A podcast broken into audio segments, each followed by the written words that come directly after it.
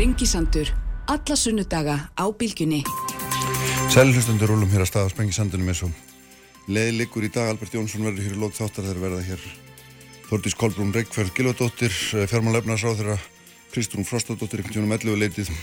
Raugraðum þá aðeins efnarstöðin í efnarsmálum í ljósi þess sem ríki þarf að gera eða já, verður að gera fyrir til þess að rétta grindvikingum uh, hjálpar hand. Uh, þar verða hérna Bryndís Haraldsdóttir Ardís Anna Kristína Dóttir Gunnarsdóttir þingmenn ræðum þá innflyndamál svona vitt og breytt uh, en sestir hjá mér Þórdís Ingadóttir sem er professor í lögum við Háskólan í Reykjavík. Særa Blessu, velkomin.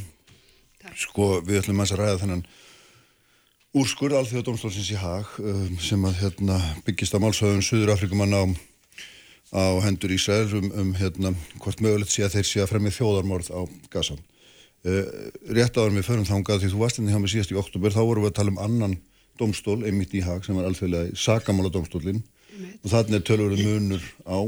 Já. og því það eru líka mál fyrir og hafa verið í mörg ár gagvart Ísrael fyrir strískleipi það er, þetta er eðlis ólíkt eða hvað? Þetta er, eh, já, þeir domstólar í, í Sömmiborg og það eru fleiri domstólar í Sömmiborg en hérna, sko, það sem þess, þess alþjóðdómstólinn í Haag sem var að gefa þennan úrskurða á fyrstæðin. Mm. Þetta er hérna aðastofnum saminuð þjóðuna, eh, er hérna í sömu línu við örgisræðið og allsræðingi og það, en þetta er þessi gamli milliríkja dómstól. Hann fjallar bara um ábyrð ríkja, meðan þessi dómstól sem þú varst að vísa í alþjóðlega sakadómstólinn, það er nýr dómstól, en hann var þar bara refsi ábyrð einstaklinga. Hann mhm. fjallar aldrei um ábyrð ríkja. Svo en eins og þú segir réttilega, mál Palestínu hefur verið þar núna í þó nokkur ár og átökjun á Gaza og sá dómstól getur ákjært einstaklinga fyrir annarkvört hópmorð eða stríðskleipi eða gleipi gegn mannúð mm. og það er bara allt í rannsóknar hjá þeim dómstól. Já. Við hefum eftir að sjá byrtingu ákjæra þar og það er svona allir, allir frekar óþrei fullir eftir því. Það verið mörg, mörg ári ekki svo? Jú, en það er náttúrulega bara, það er bara, já, það er varðandi ábyrð einstaklinga já. en auðvitað er þetta nátengt já, já. Ég er sko hérna nú, nú feldi domstólinn, alþjóðdomstólinn hérna þessa rennan úrskurð uh, fyrir helgina um, um, um hugsanlega hérna já hvað maður að kalla plausible notaðir Já, erfitt að þýða erfitt að þýða Hugsalegt, trúalegt, mögulegt Sennilegt Sennileg uppsýklingu þjóðamorð á palestínumennum getur maður ekki, ég held að maður sé hægt að orða það þannig eða hvað Jú, það, já, já, en þetta er bara,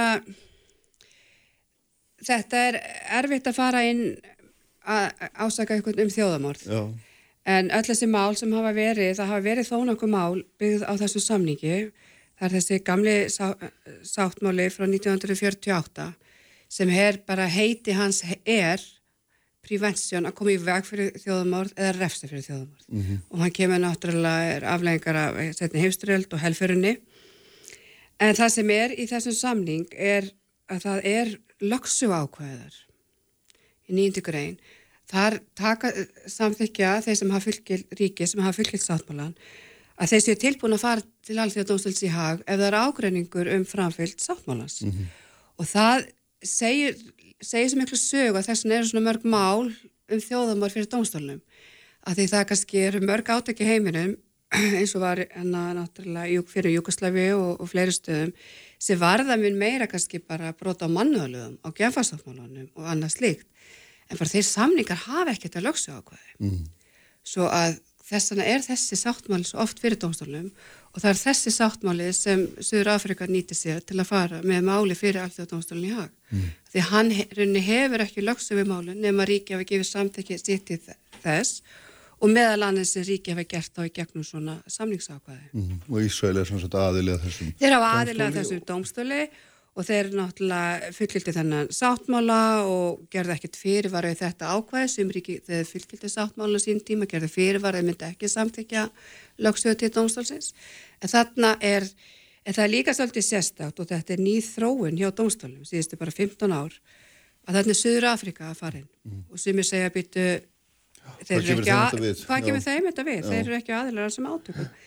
En þetta er svona nýleg þróun og byrjaði kannski 2002 þá fór Belgia gegn Senegal og, og grundulli sáttmálum bann við pyntingum sem er með sambarlegt lóksu ákvaði og síðan fór fyrir örfam ári fór Gambia gegn Myanmar á þessu þjóðum að sáttmála og það er mjög skýrt tekið fram aftur á dómstólunum og þetta er svona þessi nýja þróum að í rauninni brot gegnum einum aðila að þessu sáttmála er brot gegnum öllum aðilum.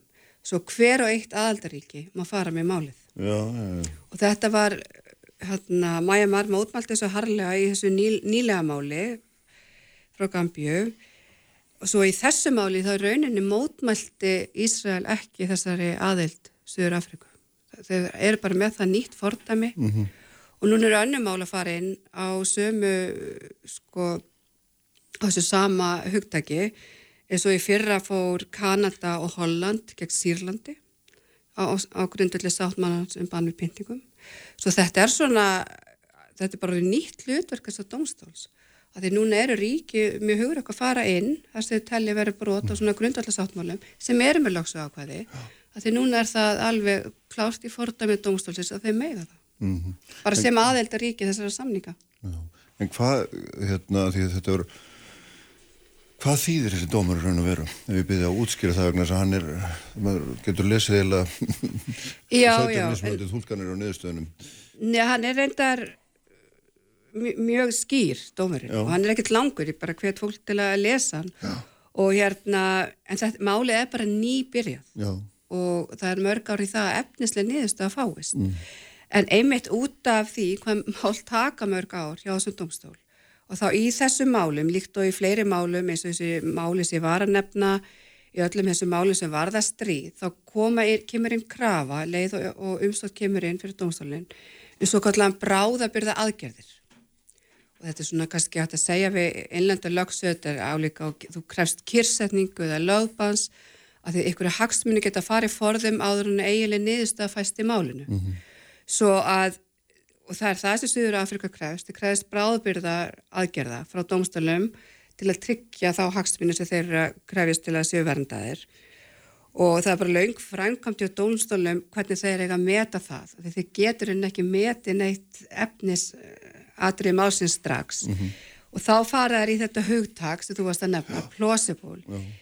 er málatilbárun þannig úr gardigengin og staðrendi málsins að það má ætla að það sé plausible, að það sé mögulegt já, eða já. trúanlegt eða hugsanlegt að þetta hafi átt sér stað með öllum fyrirvara eins og aftur í dómstælu við hefum svo alvegjulega eftir að fara í efnislega með það. Já.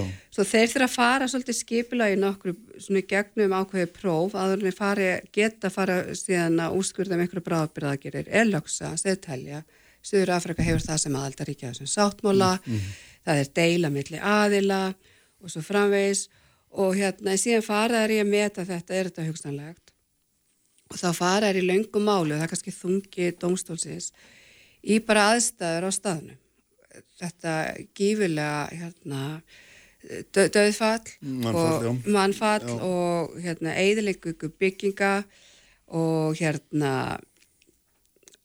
og síðan bara síðan setni hluti þess þá farar ég að skoða þessa yfirlýsingar til lögðu fram margar yfirlýsingar aðstöðanbætismanna í Ísrael sem eru, sem þeir segja að séu svona hvetja til þjóðamórs og þeir fari gegnum það og byggt á þessu tvenna þá, þá telja þeir að það sé plausible, að það sé mm. hugsanlegt já, já. að þjóðumar hafa átt sér starf eða muni eigi sér starf. Já, getur orðið. Eða getur orðið já, og vísa í þessar sko, skjálfjölu aðstæðana á, á jörðunniðri og vísa líka það, bara mjög nýlega yfirleysingu bara í janúar núna í fórstæðsraðar í Ísrael, það sem að segir að stríði getur tekið marga mánu, mm.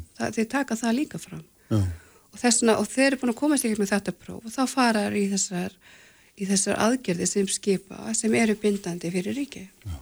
Það sem er náttúrulega sko, ekki síður merkilegt en bara er sjálf nýðustöðan er alltaf svo er það ekki að, að mér hefur alltaf skilist það að þannig er, er 17 dómar, þetta fellur 17.1 neð 16.1 og þannig er Ísraelsku dómar líka sem að greiðir að raun og vera atkvæði með meirhlutunum en þó með sératkvæði ekki satt? Jú, sko það eru 15 dómarar alltaf mm. við alltaf dómstólunni í hag En þegar mál varða ríki sem eiga ekki sinn dómara og þetta er svona fingrafur frá gömlu gerðardómanum, þá mega þeir tilnefna sinn dómara. Ekki sinn, þeir náttúrulega verða eiga að vera sjálfstæðir. Já. svo að Suður Afrika tilnæmdi dómara og, dómara og Ísrael og eins og segir þeir tilnæmda Barak sem var líka svolítið áhugavert mm -hmm. að því hann er sá fyrirvandi dómar í hæsturætti Ísrael sem hefur barist hvað gegn ímsum aðgerðum stjórnvalda þar til að takmarka sjálfstæði hæsturættar Ísraels. Svo hann hefur verið þeir svona í, í baráttu hópi gegn stjórnvaldum að vistu leiti en þeir tilhemna hans þetta mjög virtu dómari. Tilhemna hann og hann er alfarið í sínu sérætkvæði og og byrjar náttúrulega bara mjög dramatíst að lýsa því þegar hann var sjálfur batni í Litáen og það var að bjarga honum frá helförunni í kartablipókum á milli bæja. Mm. og til að segja bara hvernig má það vera Ísrael er hér fyrir alþjóða domstólum í hag að verja sig fyrir þjóðamorði mm. og er alfara móti því að sé nokkuð vottur af því í málsætökum en, en síðan þegar kemur að úrraðinu sem domstólinn skipar eins og þú segir þá er hann til dæmis hvað varðar úræðin að fyrirskipa tafalisa mannar aðstóð inn á svæðið. Þá segir hann sem manneski að hann sé greiða aðkvæða með því. Mm. En svo líka sem er svolítið, ég hef ekki sé áður í úskurði frá dómstólum, dómstólum fyrirskipar saksókn og, og, og rannsókn á yfirlýsingu sem gæti skoðast sem kvartning til þjóðamarða. Mm. Hann greiði líka aðkvæða með því. Svo að Já, þetta var mjög afgerandi og bara yfir höfuð að þetta voru alltaf 15 eða 16 atkvæði af 17 mm. með hverju einu úrraði sem 6 úrraða. Hefði mátt búast við að atkvæði væru skiptar en þetta? Uh, svona bara með við fyrri dóma, mm. já, ég já. hefði alveg kannski séð það, þetta var mjög afdráttalust. Auðvitað margar sérstakar yflýsingar með hvern útskýra atkvæðin og hérna og annað slikt og þá eins og frá Þískadómaranum, hann kannski tal, eins og sagði til ekki kannski þjóðamár það var á sér stað, en hann fór með, lísti því hann var samþykkur öllum úrraðanum að því hann taldi með vísan til þessar orðræði sem hrætti hann og þar geti verið hægt að það hefði verið kvartning til slíks. Mm. En sko það sem er líka vekku líka aðtekli er það sem dómarinn sko gerir ekki, hann fyrirskipar ekki eða, eða eitt af úrraðum sem hann leggur þá til að því að getur ekki fyrirskipað er ekki vopnarlíf. Nei. Hann krefst, ekki, krefst þess ekki. Nei, það var eitt úræðan sem Suður Afrika baðum. Ég held að enginn hafi búist við því. Nei. Þetta er, og það, þeir náttúrulega byggja á slíkum úrskurði í máli Úkræni getur Úslandi. Það var já. slíkt úræði fyrirskipað. Já, það er allt annars eðlis úr deila og en hér er, an, hér er Ísrael í stríði við Hamas.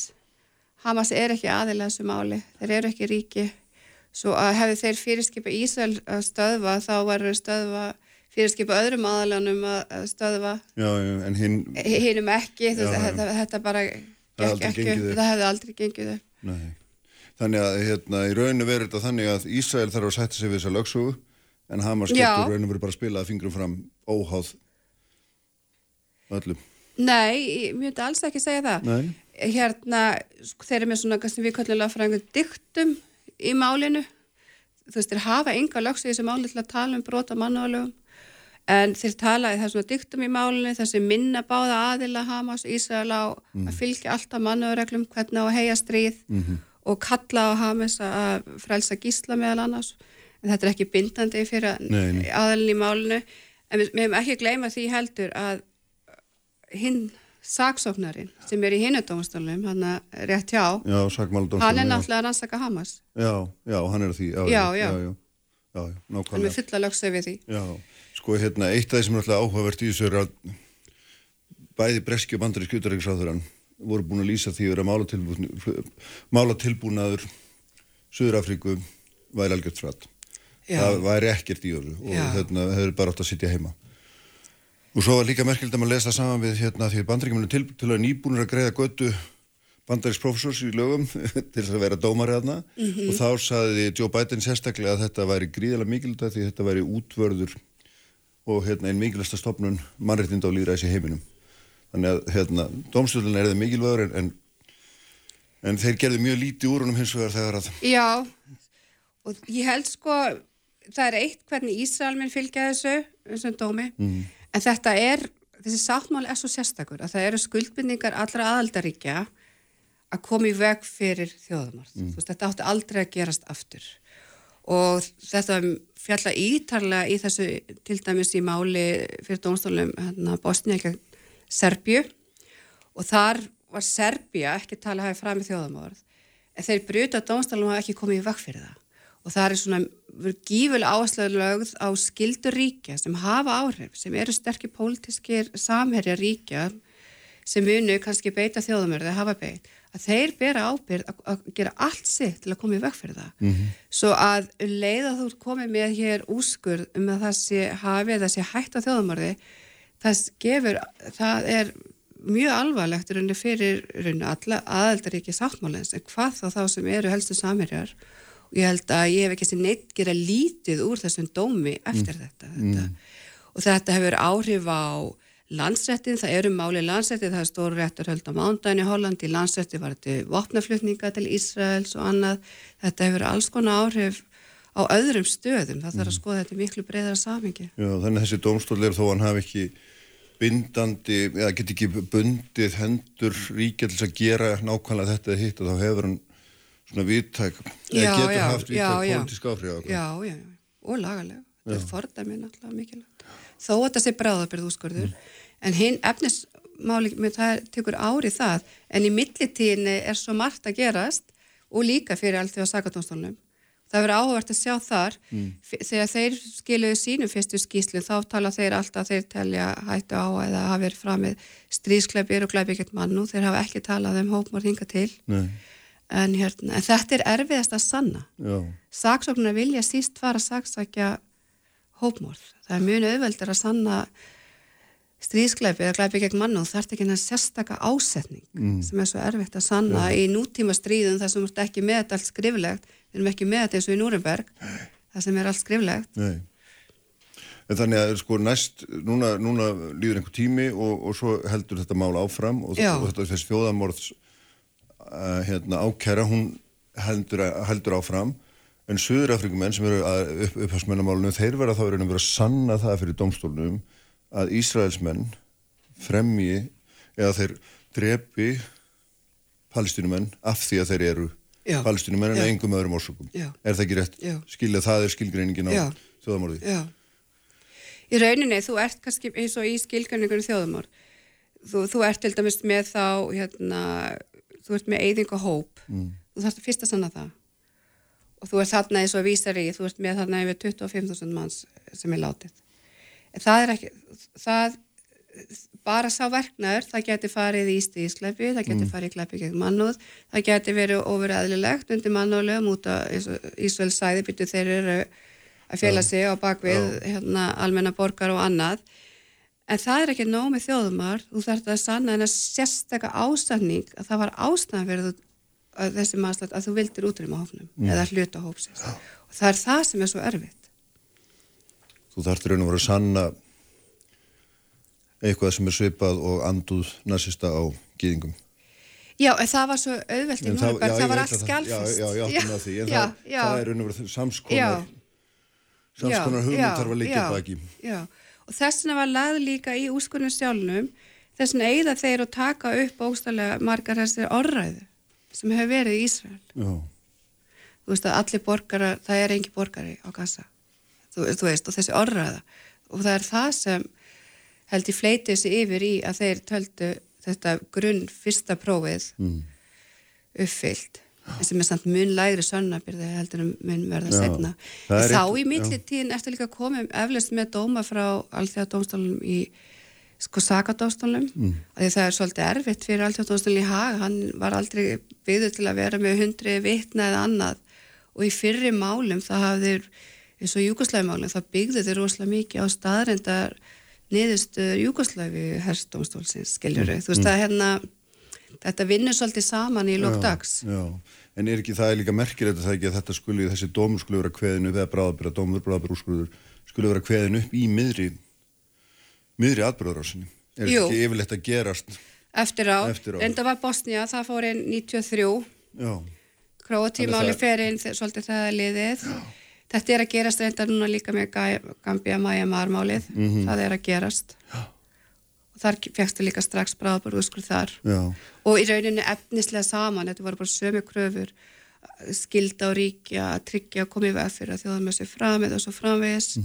og hérna, svo það var svipað þýleiti tryggja sönnagögg séu til staðar En sko, hva, hva, eitt af því sem að lesa er, að, er svona, já, sem gaggríni á Suðurafríku að þeirra farið svona einhverja skemmri skip, þeirra farið einhverja auðveldari leið til þess að koma málinu inn, eh, hérna farið inn um bakturnar uh, og til þess að fá einhvern veginn svona bráðabyrða úrskurðlega geta haldið málinu áfram. En er, er þetta ekki eðli þess að læra stygs að þú þart ekki jafngóða sönnunafæsla á því til þess að fá málið rekið áfram með hvernig, hvernig virkar þetta? Ég veit ekki alveg hvað þetta við að því sko, þetta er rauninni erfiðast að áttmálinu rauninni efnistlega til að sanna, svo það er, þið fara ekki auðvöld að leiða með það. Ég ég sé að vísa þetta plausible hugtað með því að nota það. Nei, það, það er bara, þú veist, framkvæm dónsins, það, það er alltaf að fara gennum plausible. Það er bara eðli, þess að bráðaberða úrskurða. Það er, það er bara alltaf í þessu. Já, já. Það er ekki þeirra leið, það er bara Þetta er bara marg, þetta er bara marg, já, já. já, marg, all, einhver einu skipti sem er bráðabrúskur, hvort sem stríði öðrum, þú veist, málum allt annars aðlis, það þarf að fara í gegnum þetta plausible test. Það er bara þeirra. Þessur Afrika er náttúrulega sko að sjá hann að John Dugard í málfjögnunum, hann ekki verða nýraður, hann er alltaf búin að vera hann í 30, 40 ár með palestinumönnum mm. og, og margir að þessum frægu prófessorum í Söður Afriku með þeim þeir voru að hjálpa þeim að koma að gerast aðalega alþjóðlega og saka á dómstólum þetta er ára að tuga vinna sko, þetta er ekkert eitthvað sem var hugsað nýlega. Nei. og þetta var bara þeirra eina leið. Og þú sér líka þessa sömu svona erfið leið sem Úkræna fór gegn Úslandi, þeir geta aldrei farið inn fyrir dómstólun segja bara það er brota sáttmála samlega þjóðanum árás.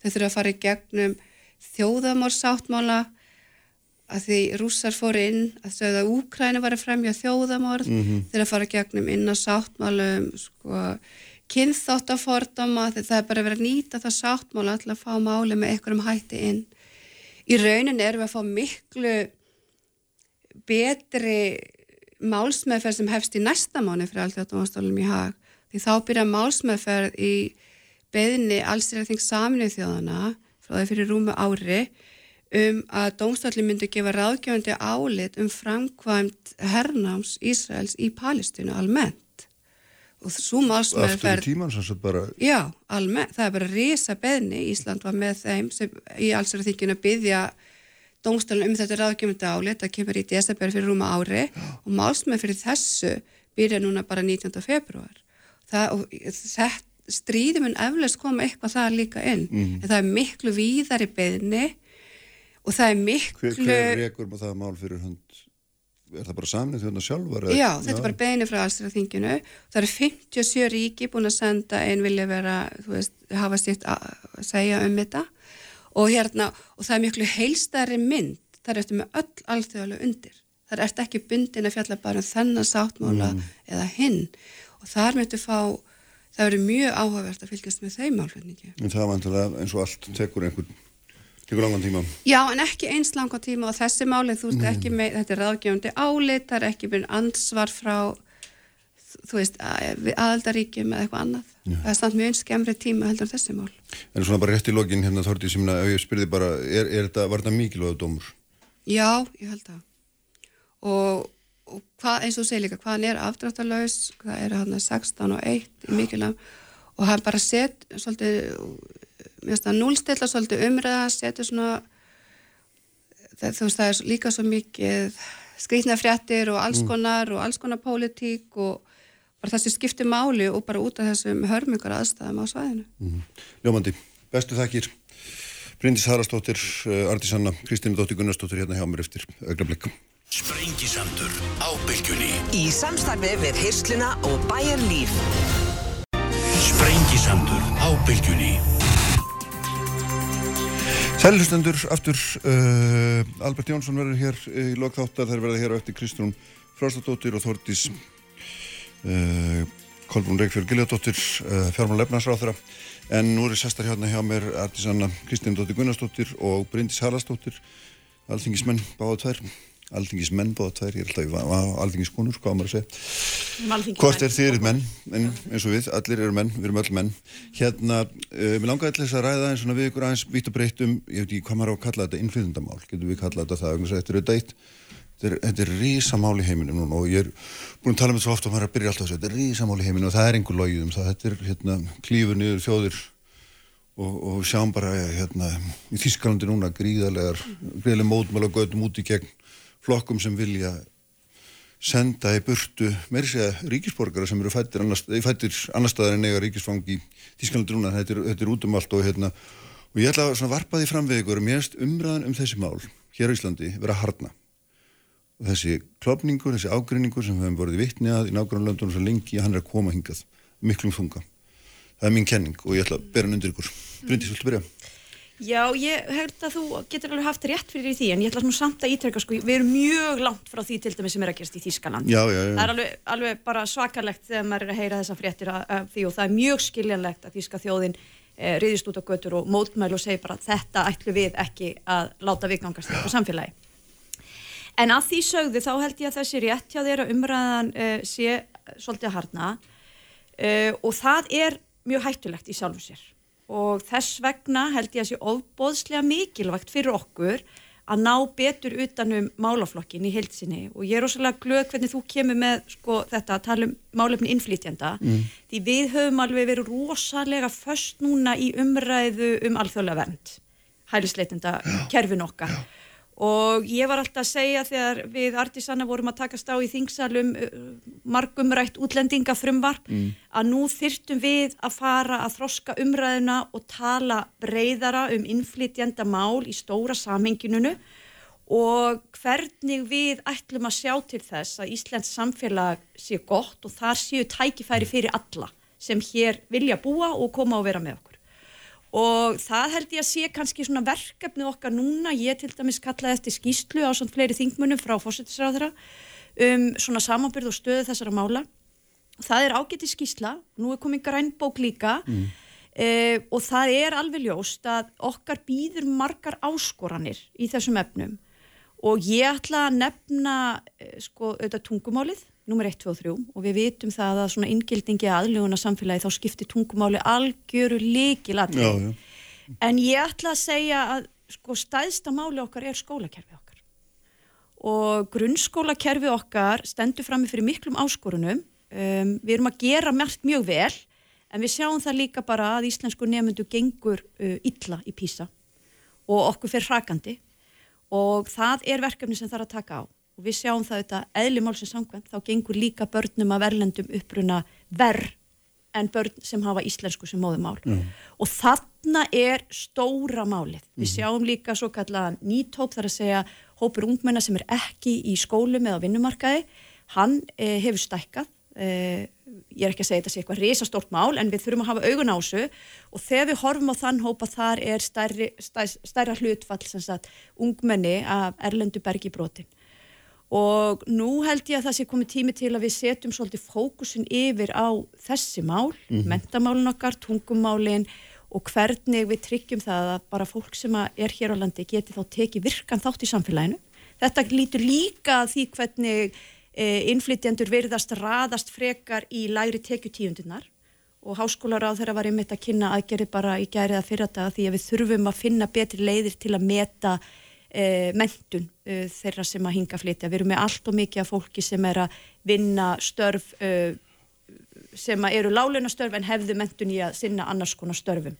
Þannig ég held að fókusun okkar þarf að færast á þessa þætti. Samanspurning, finnst þér umræða að harnað og ósaframvis? Hún hefur svo sannlega gert það. Ég held að það sé einhver blöðum um það að fletta sérstaklega eins og staðan er orðin og auðvitað kannski tilipnið þess að við erum uh, okkur er bóðið hérna í þáttin í dag kannski uh, það hversu mikið hún er harnað bara hreinlega á síðustu viku. Uh, ég vil taka undir með Bryndis auðvitað er þetta, þetta er þróun sem við erum að sjá í öðrum löndum og sem betur fyrir eru við á eftir þegar það kemur að því eins og svo sem mörgu öðru en það er hins vegar alveg ljóst að við erum á sömu vekkferð og við eigum að hafa áhugjur af því og við eigum að vera að vinna gegn því. Það langar mig til þess að sko, vekja aðtikla því að ráðamenn bera gríðala mikla ábyrð þegar það kemur að þessu og mér hefur þótt sérstaklega vond að sjá hvernig uh, fulltrúar þessari ríkistjórnar hafa í rauninni verið að íta undir þessa þróun frekar en að vinna gegninni og hér er ég auðljóslega að vísa í meðal annars uh, Facebook fæslu utaríkisráð þeirra sem mm -hmm. kom hérna í síðustu viku og, og vakti upp gríðala mikil viðbröð uh, sko ég það, ég velti fyrir mér og mér langar mikið að spurja fólk sem vil meina að þetta hafi nú verið kannski miskilið og hann hafi nú ekki myndið þetta svona hins einn það langar mér til að spurja fólk sko uh, kemur það á óvart? Uh, ég held að vandræðin sem hvað að segja þau sem hafa verið að verja bjarna í, í þessari umræðu lenda í er það að ég held að fólk almennt svona út í bæ upplifi Bjarnar Benediktsson ekki sem fljótfærna einfældningin sem einhvern veginn verður að mála hann upp í þessu máli eins og hann hafi bara verið að tala hérna um, um hvort að það er að vera tjöld á austuvelli og ekki gert sig grein fyrir því að það að tala um flótafólk og lauruglu og, og glæpastar sem í, í sömu setningu að það sé að fara að vekja upp viðbröð og þá er ég ekki að tala um í rauninni gaggrínina og það sem að hann er að mhm, segja mm -hmm. sem er eðlileg heldur uh, að segja hvernig á að tala um þetta? Hvernig á að tala um þetta ef að hérna veist, menn geta alveg haft þá skoðun að það sé ekki gott að það sé tjaldbúður á Östurvelli og, og sagt hana upp átt án þess að hérna, þurfa að vera sérstakir sko mannhattarar Akkurat, nákvæmlega, þetta er bara virkilega góð bútur vegna þess að svo umræðum, hún var búin að vera í gangi nokkra daga mm.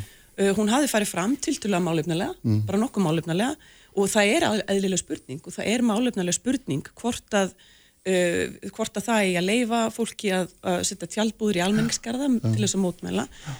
en það sem að Bjarni gerir þarna er náttúrulega að hann fer með þetta í allt aðra átt með því að spyrja þetta sama við einhverju glæpastarsimi og, og, og laurukluna mm -hmm. og ég veldi fyrir mér sko ef, ef að þetta var óvart ef að þetta var ekki ætlum Bjarni að vekja upp þessa hvað að segja þessu ólgu sem að fer þarna í gang sem er, eða ólgu, ég veit ekki hvað að kalla mm -hmm. ummælinn sem að koma bara í aðtóðsöndakerfinu bara bara við þessa fæslu hans sem að sína gríðarlega uh, mikla, mikla hvað að segja, andúð gegn útlendingum og uh, þessi einstaklingar upplýðu sér óöruga í kjölfarið uh, ef þetta var ekki ætlunin þá auðvitað væntu við þess að Bjarni stýji mjög ákveð, ákveð til jarðar mm. núna og, og vindi ofan af þessu sem mm. hann er búin að koma að stað. Þetta er mjög alvarlegt og þetta er hættulegt fyrir ekki bara þá einstaklingar sem er í hlut heldur bara fyrir samfélag okkar. Allt þetta er ekki, ég heldur séum alls sammál um það, þetta er ekki áttur sem við viljum vera að fara í og þarna bera ráða með ábyrg. Ég vona að Bjarni axli þessa ábyrg. Mm -hmm. Bræðstöðsmyndis. Uh, sko ég var nefnilega svo glöð og var að bjóða mér í þáttum til að tala um innflytjandamál svona heilt yfir og já, ég held að það hefði ekki verið mál, markmið að ræða hérna einhverja eina stöðfæslu en ég skal aðeins bregðast við þessu sko. Uh, fyrsta lagi þá höfum við svolítið langa tíma verið svolítið þar stöttum að það megi eiginlega ekki ræða svona hluti með einhverju svona gaggrínum hætti. Um, en ég er sko algjörlega á því það, það, það er rosalega fín lína hvernig við tölum um málaflokk og ég vil ekki uh, blanda saman umræðuna um eh, fólkaflótta og skiplauri glæpastarsemi.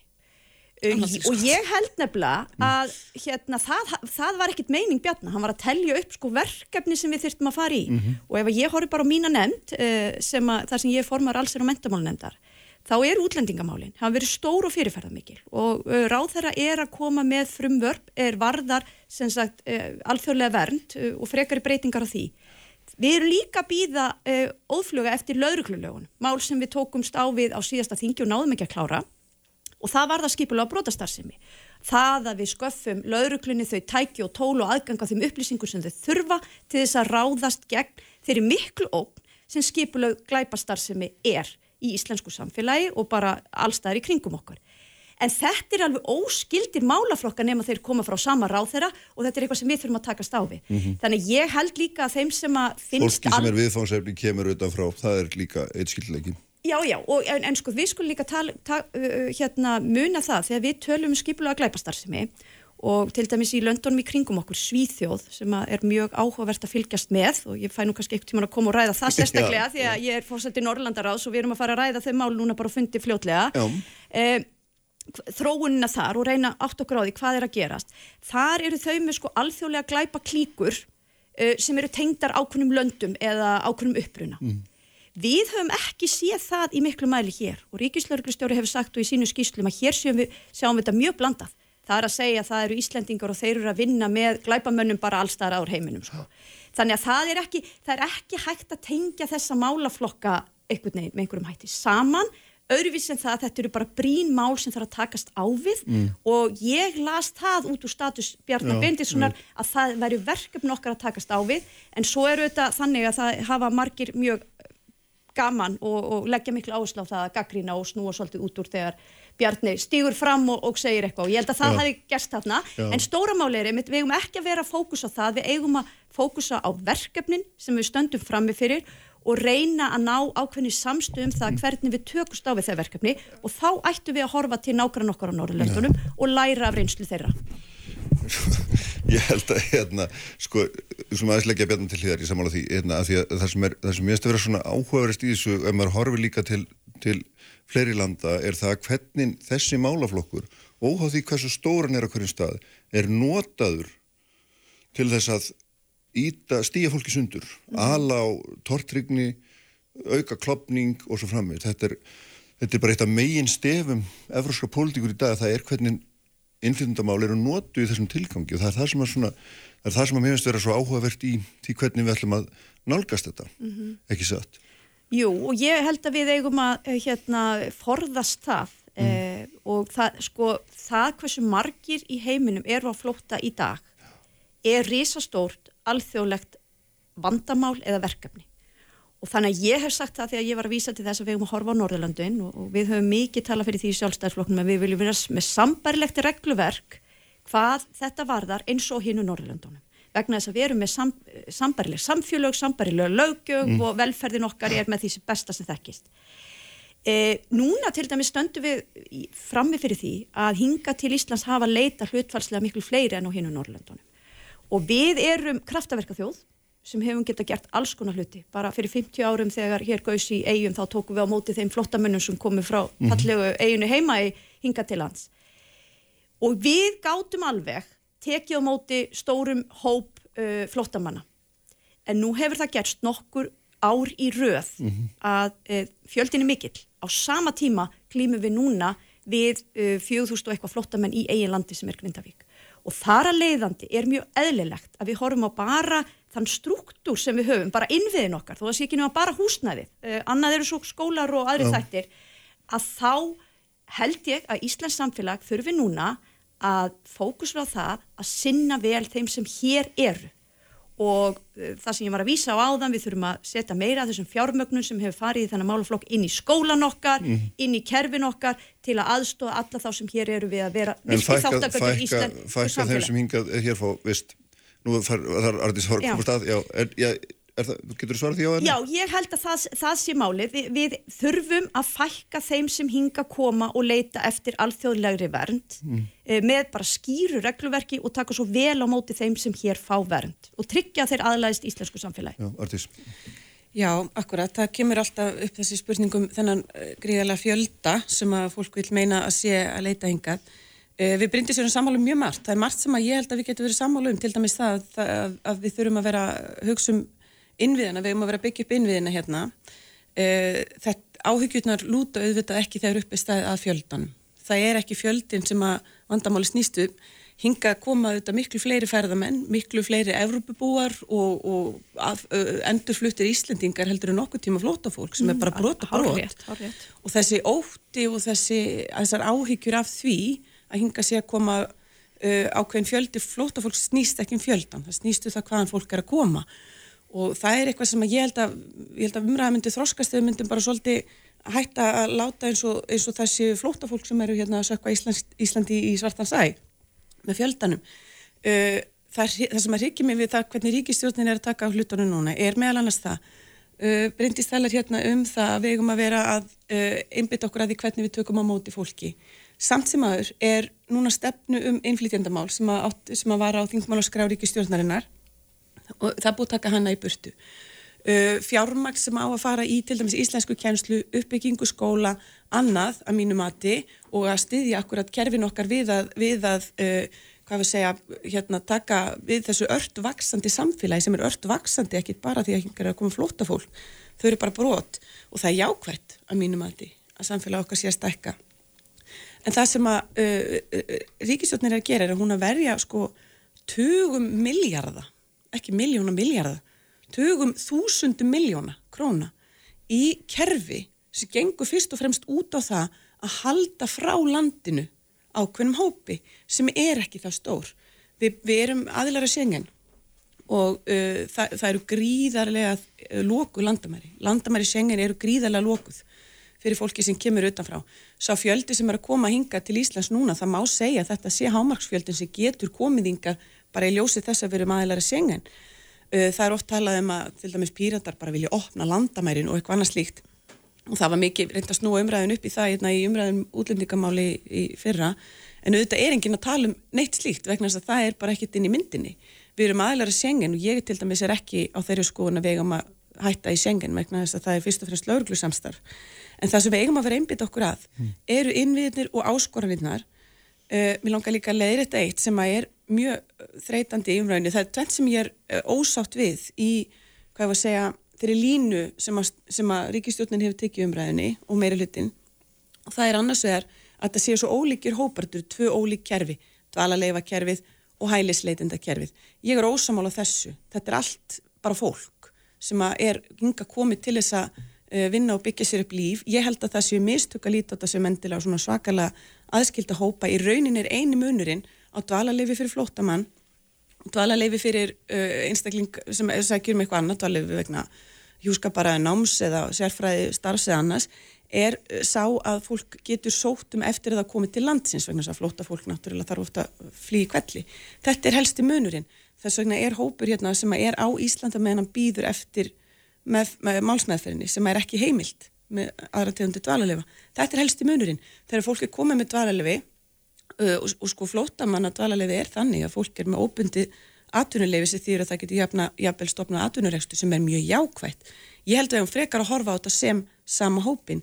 Hitt sem að er mm. skaliðt umræðin bara eitt örstuðt og það er varðandi það sem að Bryndis nefnir hérna aftur og var tíðrætt um í, í umræðin mútlendingamáli sem er ekki rétt, sem er það að uh, að regluverkið og aðstæðu sé einhvern veginn sambarilegar á Norðurlöndunum en við með eitthvað rosa spes. Þetta bara er ekki raunveruleikin. Raunveruleikin er sá að bæði regluverkið og framkvæmdinn er gríðarlega ólík jafnvel á milli bara Norðurlandana og ef við fyrir út fyrir Norðurlandinu og sunnar í Európu þá er komin ennþá meiri fjölbreytni. Því sama á við um demografíinu, þess að uh, samsetning og hópsin sem hinga leitar eða leitar annað. Hún er mjög ólíka milli landa, hún er bara mjög ólíka milli bara Noregs og Svíþjóðar.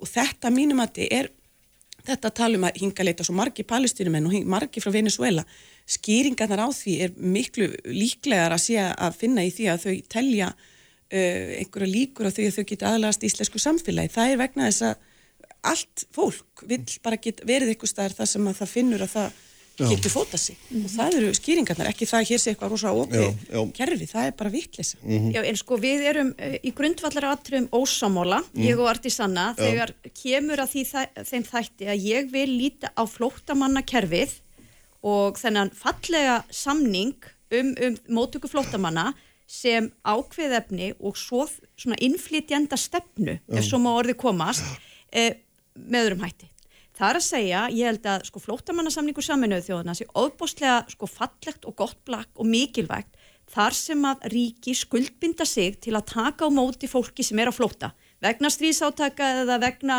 ábeldis eða pólitísku ofsókn eða hvað kann að vera. Það er vel skilgrind að það.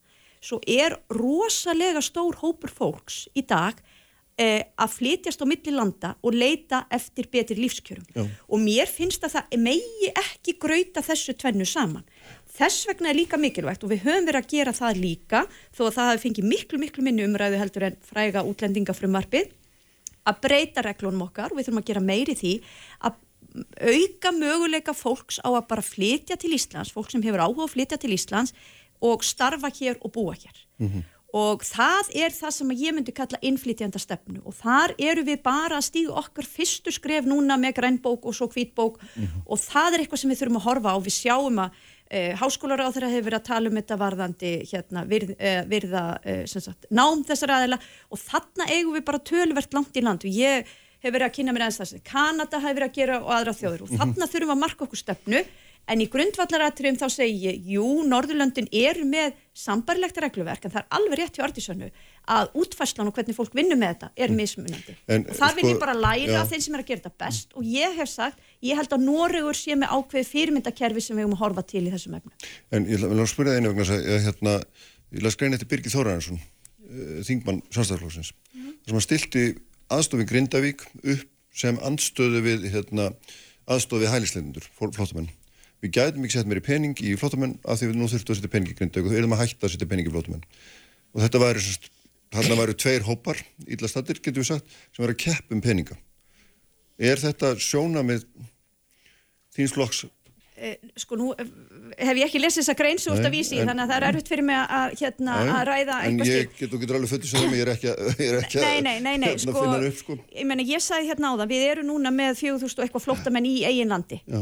og þegar ég er að vísi það bara það er bara til ákveð mörg sko marga fastegnir hér á landi og við erum að reyna að framlega þeir hraðar, mm. þá er það slíkir innviðir sem gera það að verkum að það eru takmörk fyrir því hvað við getum tekið á móti mörgum. Þannig eitt hefur áhrif á annað, það, það er eðlimál sem samkvæmt er það þannig, Já. en út af því að þú varst áðan líka að tala um sko erum við að stilla hópum upp uh, hérna gegn hvort öðru og það eigum við að forðast, en við verðum líka að sko vera á jörðinni með það sko það eru bara uh, það, það er einhverja grundvalla þætti sem þurfa að vera til staðar svo hægt sé að taka á móti fólki. Mm og það er meðal annars takk yfir höfuð, algjört grundvallaratrið.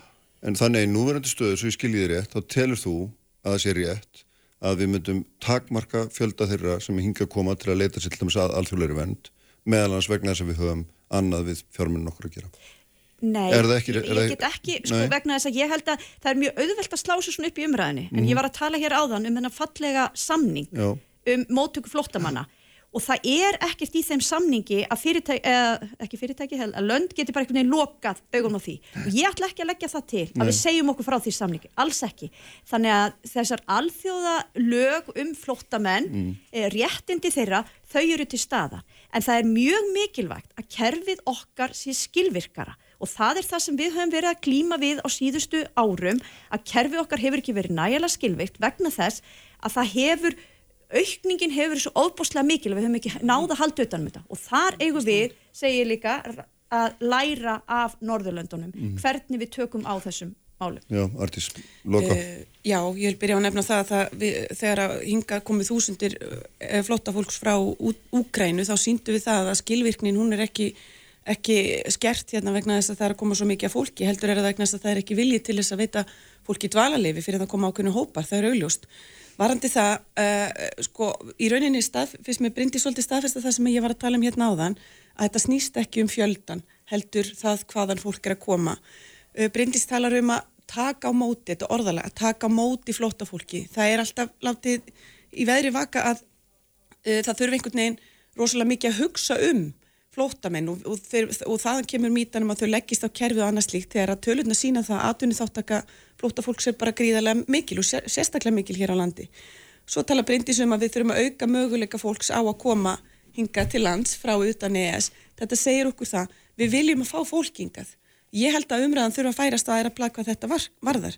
Varandi skilvirknina þá, sko, er verið, þá er í fyrsta leið þessi máluflokkur búin að vera í stjórn sjálfstæðisflokksins núna um eh, ansi langan tíma, tíu ár, en mér skellast ekki rúmlega.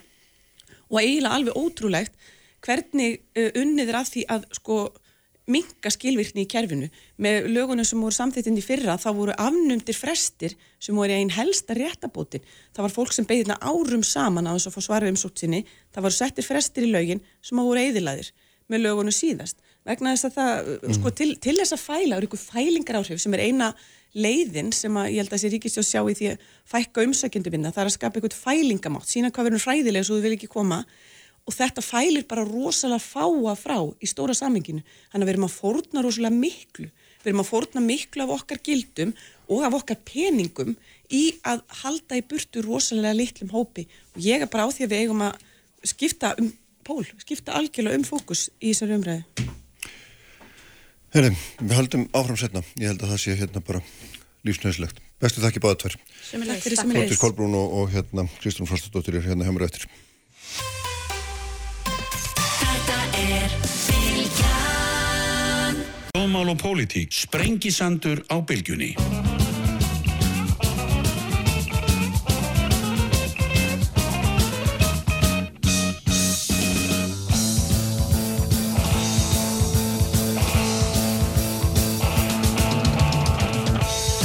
Sæliraftur hlustendur, uh, höldum áfram hér á Sprengisandinu, uh, Albert Jónsson verið hér í lok þáttar en það eru sestar hjá mér Kristrún Frostadóttir og Þórtís Kolbrún Reykjörð Gilvadóttir, Sara Blessaða báða tverr, velkomnar.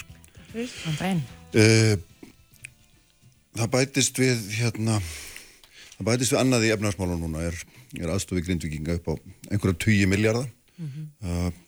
sem að setur mikla spennu vantarlega á húsnæðismarkað sem að við vitum nú að fengilin reynslu undarfærin ára að hérna leiði nú yfirleitt verðbólku og vakstatrún upp á við. Og hérna en þetta er verkefni sem að mér langar aðeins svona ræða við ykkur. Hvernig hvernig sjáu þið best hvernig er best að tækla þessa stöðu sem við erum í núna? Af því að aðal markmið okkar er tala inn í kjærasamninga niður með vextina, niður með verðbólkuna en ástandi er þannig að það er bara verður fjandi erfitt, mm. því að halda og þarf að halda mjög vel á spöðum Það, já, það, það þarf að halda mjög vel að spöðum og ég held að sé mjög mikilvægt að við uh, sko, séum áfram sammálum þetta megin verkefni. Og það þá frekar að við þurfum að stilla, stilla það verkefni með tilliti til þess en ekki einhvern veginn breyta markmjónum eða gefast uppgangast í að segja herði ok, við hérna, tökum þetta, tökum þetta setna eða tökum þetta síðar. Mm.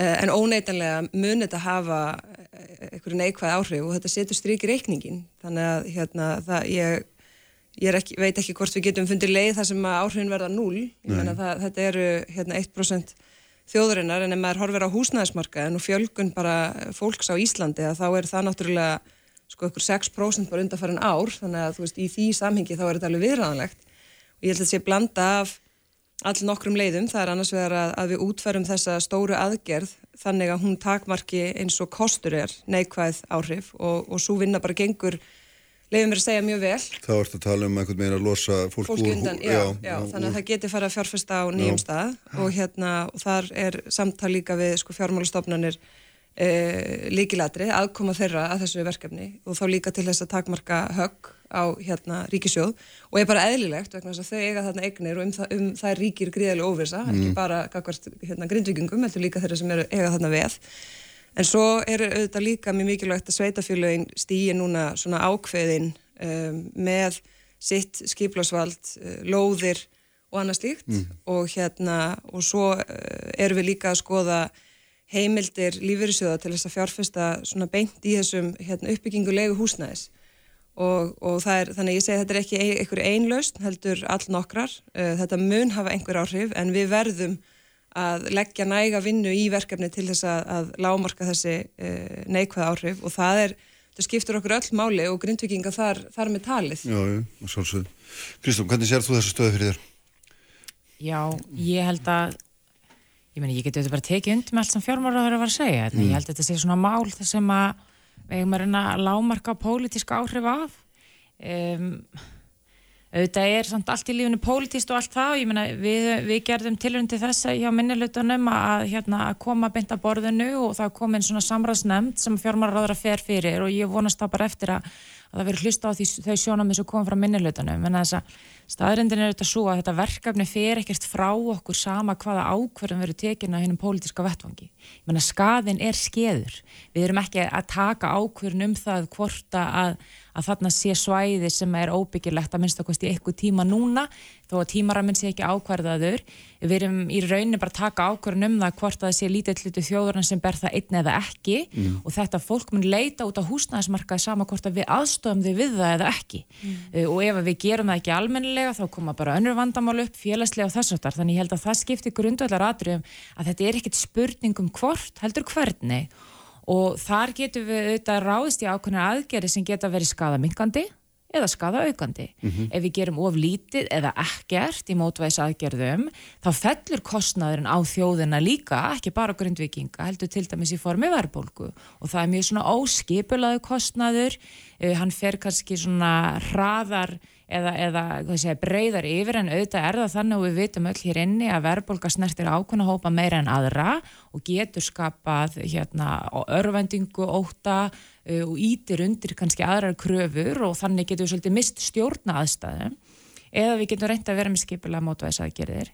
E, þar eru þetta svona hlutir sem eru ennþá bara í samtali og, og við verðum auðvitað einhverleita að trista stjórnvöldum upp á því marki að útfæslan er á þeirra borði þó að stjórnarnastan hafi aðkoma því en þau náttúrulega halda betur utanum svona gagnasettin var þetta mm. hvað er þetta að gera strax en það hafa komið aðgerðir sem hafa verið minnst á eins og að ná betur stjórn á Airbnb og skamtímalegunni og þetta er eitthvað sem við í samfélkingunum vöktun og aðtegla á bara fyrir jól. Og svo eins þetta sem að ráð þeirra nefna hérna um aðkomi lífriðsjóðuna það sem er kannski merkilegt þó ég með langar ekki að nota þetta til því að fara eitthvað pólitísk karp er að þetta eru aðgerið sem að hefði brátt að vera búið að ráðast í. Það er ekkert sem að núverandi aðstæður kalla sérstaklega á að það hafi verið eðlilegt að svona stór hluta íbúðum færi í skamtíma leigu mm. og það væri, hefði verið breytta regluverki á sínum tíma til þess að í rauninu auðvelda kannski það.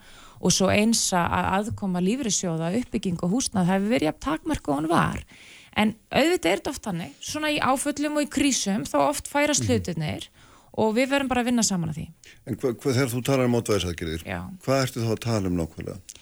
Sko, ég myndi segja til að einfalda þetta algjörlega. Ég er búin að setja það frá og, og, og, og hérna senda skýr skilabóð um að gröndvikingar muni ekki bera þennan kostnað einir, heldur við munum drefa byrðunum og þau erum bara beint í mótvæðsækjana. Þá ertu annars verið með þessa frambóðslið. Þú þart á að losa um ákveðu húsnæði sem mm. er þá, já, kannski núna nú þegar í leigu Um, fyrir, ég er að hugsa meira, um peninga, hérna. meira um peningamálum en á peningarliðinni, já, já, vissulega þá þarf að huga þenslu og það er mikið verið rætt um hvort að við ráðum við þetta fjárháslega mm.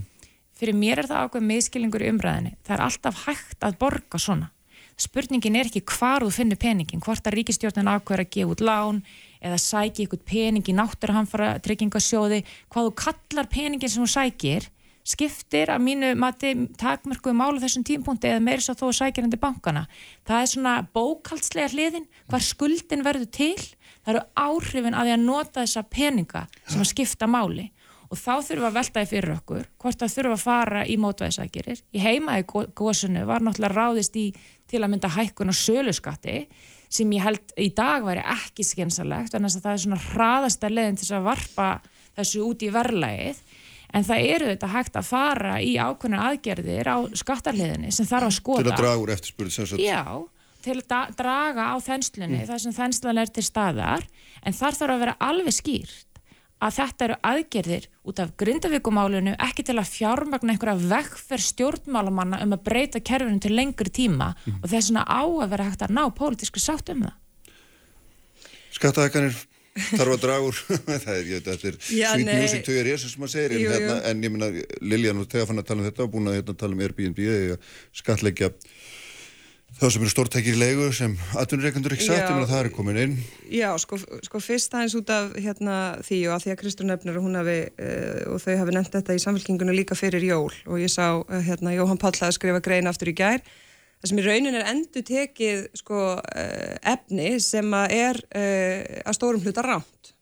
Það sem er ránt að, hérna, að það hefur verið tekið út úr reglugjörð til þess að, að uh, leifa í stórum stíl einhverjar blokkar, heilu blokkirnar undir hérna, atvinnustasemi.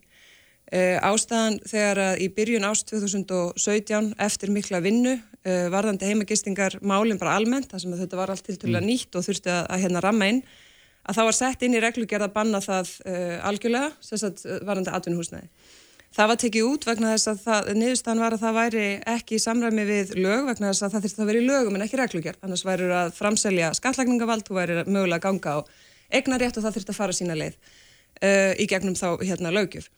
En það breytir ekki því að heimildir sveitafélagana hafa alltaf verið til staðar uh, út af sínu skiplásvaldi að koma í veg fyrir það mm. og meiri segja hérna varðandi að þetta kom í kjölfar fjölmjölumfullunar um, um hérna blokkir uh, í miðbænum sem að væru í raunis og hótel sem eru þetta mikið ójabræði við kakvar þeim sem eru að reka hótel og þurfa að borga hérna önnurgjöld og, og frekari skatta sem slíkir þannig að það eitt og sér er, er ósangjant og, og skekkir hérna samkeppni þeirra að þá uh, viðkendu borgarstjóra það hafi fallið á tæknilega adri þar að segja sveitafélagin hafa allan tíman haft fulla heimil til þess að taka það skýrt fram að það ætti ekki að fara fram atvinnustar sem er eh, eins og í, í þessum blokkum. Mm -hmm. Þannig að það, það, er, það hefur ekki þurft sko lagabreitinguna til en það sem var í reglugerðinni mátt ekki vera þar vegna þess að það hefði þurft að vera í lögunum. Mm -hmm. Bara þannig að þetta sé á, á hérna, hreinu vegna þess að það komur á óvart að það skildi vera nota endur tekið efni sem búið var að leiðrætta og var einfallega hérna ránt með farið. En hvað er Lilja þá að gera núna? Er hún ekki að breyta? Nú, jú, núna er... Það, hún er hlýtur að til eitthvað ástæðu, mikilvæg ástæðu fyrir að breyta þessu. Já, sko núna, þegar þetta komið inn í, hérna, ef, ef þetta verður á lögum, þá er það komið inn í lögjöf að þetta sé einfallega óheimilt.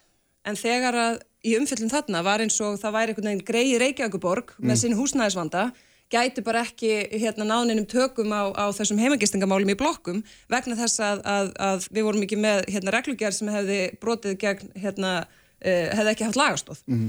og svar við því er bara að það er ránt vegna þess að Reykjavík hefði alveg geta gert það en núna ef þetta verður á lögum þá er í rauninu bara í lögi verið að segja sveit, þá er heimildin ekki lengur hjá sveitafélaginu heldur er þetta bara samkvæmt hérna lögun og svo er þetta spurning um einhverja frekari e, leiðir, ég menna við erum með 90 daga og borgir og löndur með þetta með mjög misjöfnum hætti. En varðandi hérna fjármögnum þessari, þessari stóru aðgerðum að gera fólki grindvikingum kleifta að fjárfesta á nýjum stað að þá, um, þá er það alveg rétt sko þetta eru þetta fjármagn er allt sótt eitthvert. En það með hvað hætti það er gert útfæslan á fjármögnunni, hvar fjármögnunni er sótt það hefur sko mismunandi áhrif. Og, þeirra, og það að það hefur mismunandi áhrif þýðir þá að, að þú getur í rauninni annarkvort takmarkað eða aukið neikvæð áhrif af því. Um, og til dæmis sko aðkoma uh, fjármálastofnuna og þá hérna lífyrirsjóða sömuleiðis uh, hefur auðvitað önnur áhrif veldur en ef, ef áhættin er engung á ríkinu. Við erum verið að segja að það er áhætt til staðar, böngunum, þeir eru þetta með veð sem þau veit ekki hvað verður um þannig að það er ekkert nema eðlilegt að, að, hérna, að þau komi með okkur í það. Sömu leiðis varðandi það Því er það ríkið ætlar að ábyrgjast þessi við kakvart lánastofnum eða eitthvað? Sko, út, eins og segi, við erum vinnan gengur vel og við erum, við erum mjög hérna, langt komin með hana. Um, þetta snýst um það að þarna eru veð að ákveðnu upp á ákveðnu magni, að það segja fyrir ykkur rúmlega 20 miljardar um, það eru mismunandi leiðir að því hvernig við losum fólk undan. Uh, það þarf að huga að, að hérna, mögulega einhverjum fórköpsrétti er það mögulegt, er það skinsamlegt uh, á að nota eignir náttúranfæra trygginga því að eitt eru þetta tjón sem að náttúranfæra tryggingar ber bara að, að bæta og greiða. Það er hann eitt, hitt sem við erum að skoða er að náttúranfæra tryggingar eiga eignir. Mm. og væri mögulegt og þá skinsamlegt að nýta hluta þeirra eigna til þess að fjármagna þetta. Og þá verður við rauninni líka að segja að náttúranfartrygginga með sínum eignum koma það með eitthvað skonar ingreislum á segja eh, inn í þessa aðgerð vegna þessa óvissan er líka um það hversu mikið tjóni verður. Það er ákveði búið að meta, mm -hmm. síðan er mikið búið að ganga á og það hefur ekki verið hægt að fara til þess að meta, þannig að ef að tjóni verður meira, -hmm. þá gæti það í rauninni runnið en, upp í þessa ingreðslu þá er eftir eitt, svona, eitt, eitt kostnar hérna, einhver viðbót sem já, er ekki greiðir. Já. og það þarf auðvitað að fjármagna það með einhverjum hætti.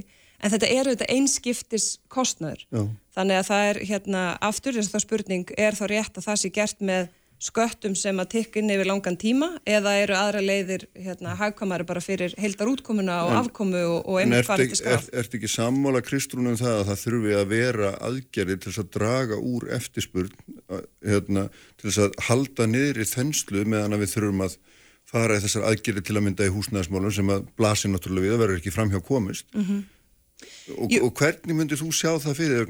Ég, við erum að reyna með öllum öll okkar afli, öllar einhvern veginn að draga úr sér velbúk og vöxtum sem við erum lengur búin að fá upp í kokaf mm -hmm. og, þarna, og það er bara mjög erfitt að sjá það svona sem bara leikmaður í hagfræði að þetta gangi upp. Já, sko fyrst eh, hérna að því Kristún segir varandi sko hvort við ráðum við þetta, ég er algjörlega sammála henni í því, ég menna við ráðum við þetta og það er bara einmitt spurning, þú veist, hvað, hvað, hvað á það að kosta og það er það sem við erum að reyna að hérna lámarka um, til lengri tíma þannig að það hafi ekki þessi neikvæðu áhrif. Það er algjörlega ljóst að það þarf að auka frambóð og húsnæði. Og ef við erum að horfa á svona þensluna eða, eða þessar áskorans þessu fylgja þá er það líklega fyrst og fremst á húsnæðismarkaðin og þess vegna sko við erum, þarna erum uh, 1100 pluss heimili, nú þegar hafa all nokkrir keift á nýjum stað. Uh, hluti af þeim sem hafa þarna búið og, og hérna eiga jafnvel annað heimili annar staðar, þar segja bara eh, í útlöndum, mm. uh, hafa farið þangað tilbaka, en eftir stendur auðvitað eh, mikil fjöldi sem að þarf að, að hérna, komast á nýjan stað. Og það er þá spurning uh, hvert þau munu vilja að fara. Og þess vegna bendi ég á sveitafélagin og ég bara gerir ráð fyrir uh, og vonast mjög til þess að sveitafélagin muni stíga fram mjög ákveð með lóðir. Og eins og við heyrum að þá þetta er stór hluti grindvikingar sem að vill vera á suðinu sem áfram. Mm. Eh, þannig að það er þá spurning hvaða hérna, geta sveitafélagin gert þar. Og síðan þurfum við, svo nefndi ég varandi lífyrsjóðana og síðan þurfum við að, að hérna, einfalda byggingareglugar líka. Það er, og við eigum um það, ég hef kannski sagt of oft, en ég held áfram að segja að þangar til að það verður lagað, við eigum mörg hundru tilugur frá OECD um það með hvað hætti við getum einfalda uh, hérna, umhverfi frá því að þú sækjur með loða þangar til að loðun er afhengt og þar eru, eru gríðarleg hérna, tækifæri og ég veit að einvegar á þar er með mikla vinnu í gangi hvað það varðar en, en einmitt talandum eins og Kristján segir að það er hárétt í svona aðstæðum þá er eins og það opnist svona gluggi og það er að hlaupa hraðar með verkefni sem að hafa verið í vinslu. Mm. Við nýttum COVID mjög vel í því til að mynda varandi nýsköpunageiran. Við tókum stórar ákvarðanir og stefnumótandi vegna þess að það var opnaðisgluggi og núna er hann opin líka í svona krísu og hérna það á aldrei að láta krísu framhjómsu fara og hérna nýta þau tækifæri Nei. og ég held að það sé algjört líkiladrið að Já. við tökum stór skref í því að einfalda hérna regluverki kringum Uh, byggingar til þess að, að, hérna, að því það er líka lengri tíma verkefni. Er þetta sannfærandi í þínum höga sem mótvæðis aðgerið því að minnst, hérna, sko, ég er enn ekki, ég skil ekki enþá hvernig sko, peningastefnun á að virka til þess að þetta hérna, geti gengið? Ég held, ég held að það sem að grindvikingar þurfi í dag og líka Íslendingar er bara fórustu í landinu sem er að segja fólk hvað þýðir að standa með grindvikingum á tíðum sem þessum. Sko, það er ekki hægt að segja að þetta verði flókið og erfitt verkefni sem við þurfum öll að standa saman af og svo láta eins og það mun ekki kosta okkur neitt. Og ég held að það er bara hreinskilinara að segja það. Það er engin að tala um að við ráðumst í óþarulegar skattahekkanir sem að munur sko lifa um ára raðir og ég er ekki sammálað þeim greiningum þar sem að þetta hefur lagt fram að þetta væri neikvægt akkvært grindvikingum að stilla þannig upp að þetta væri einhvers konar grindavíku skattur. Staðhrindin er bara einfallega svo að ef þú tækir bara lán fyrir þessu þá myndur þú hleypa samt öllum þessum peningum út í hagkerfunu. Þetta er svolítið eins og að vera í stríði og það kemur sprengja á heilan bæ og kapital hverfur. Það er bara horfið kapitalarna. Kanski er það bara til árs, bara til fimm ára, bara til tíu, kannski er það alveg farið, skiljiði. En á þessum tímapunkti þá þarf bæði að greiða fyrir þetta og svo þarf að greiða fyrir aðfengin til þess að, að fá meira húsnæði. Og það mér skapa þenslu áhrif og eitthvað staðar þarf að draga úr þeirri þenslu.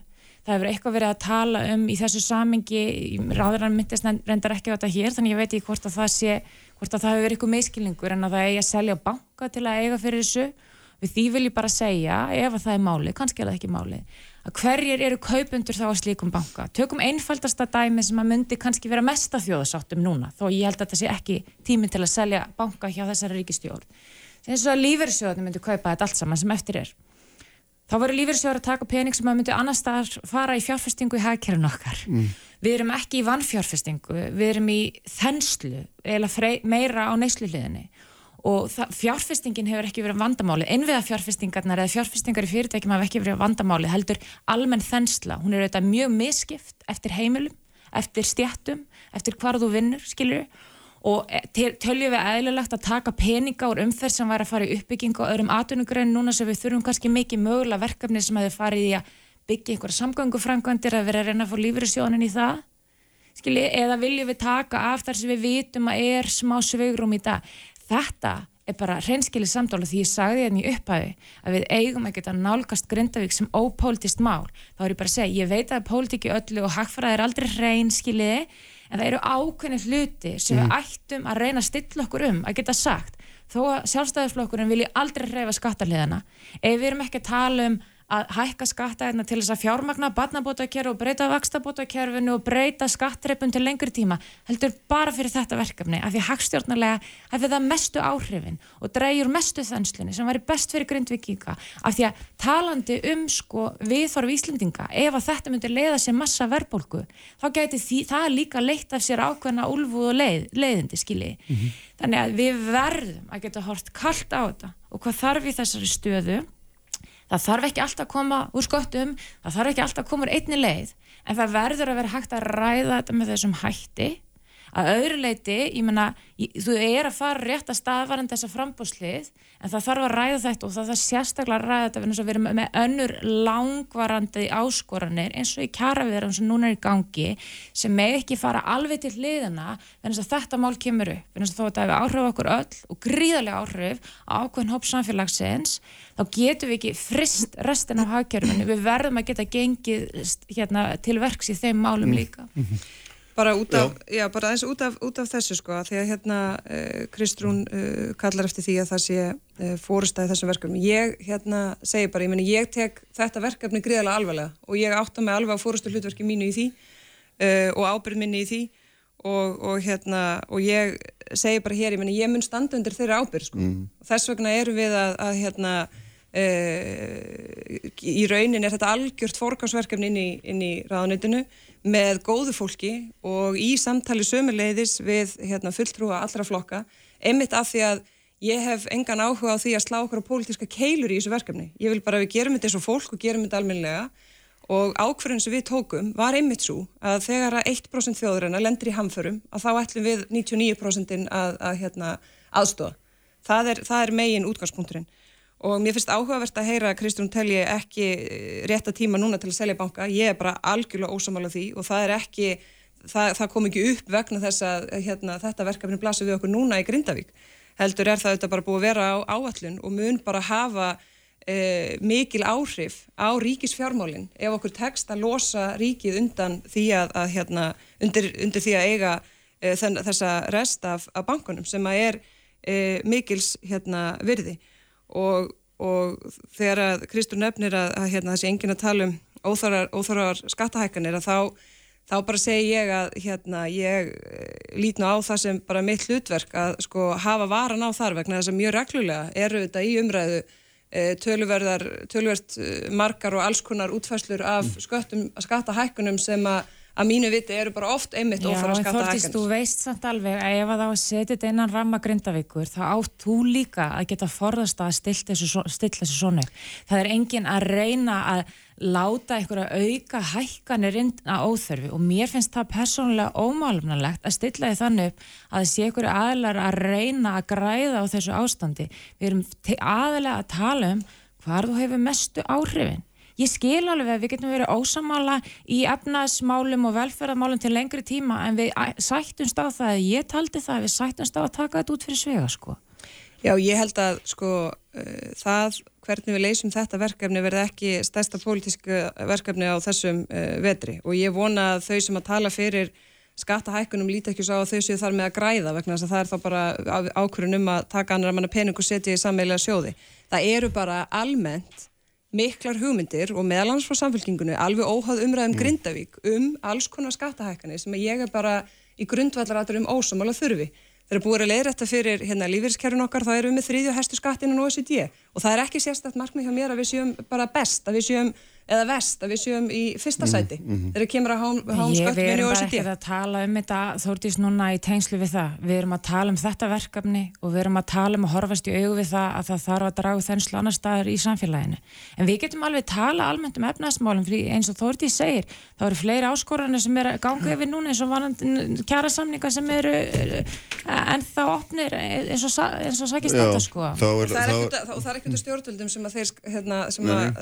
er ekkert stjórnvöld á Íslandi ólíkt að því verist öllum Norðurlöndunum þar sem að samt allir vilja bera sig saman við verðast ekki sjá það sem hlut, sitt hlutverk að koma á ákvöndu stöðuleika á vinnumarkaði. Og maður langar að nefna í því samíkja því ég var í Norri í síðustu viku og það er hitti ég fósfósmenn bæði hérna alþjóðu sambandsins, norska alþjóðu sambandsins eða verkefælisreifingarinnar og atverðarreikunda báðir þessi aðlar þegar ég rætti við að sögðu að, að, að, að sko aðalverkefni þeirra væri að vera hlutur að þessum, eða partur af þessum þrýfætta stól sem væri samstaf ríkis, atvinnreikanda og verkefliðsreifingarinnar þegar kæmi að vinnumarkaðanum og meiri sé atvinnreikundur þar skilja mikilvægi þess að ákveðin liður í velferðarkerfni til lengri tíma funkari og er ekki að krefjast þess að það komi alltaf einhver pakkin í alla kjærasamninga en að minnstakosti að það sé ákveði tröst og mm. stöðleiki sem koma því. Og menna Íslands stjórnvöld að minnstakosti flokkurinn að þóriðísar hefur séð það sem svo að það sé ekki þeirra hlutverk. Þau vilja engan fyrir segjanleika fyrir vinnumarkaðin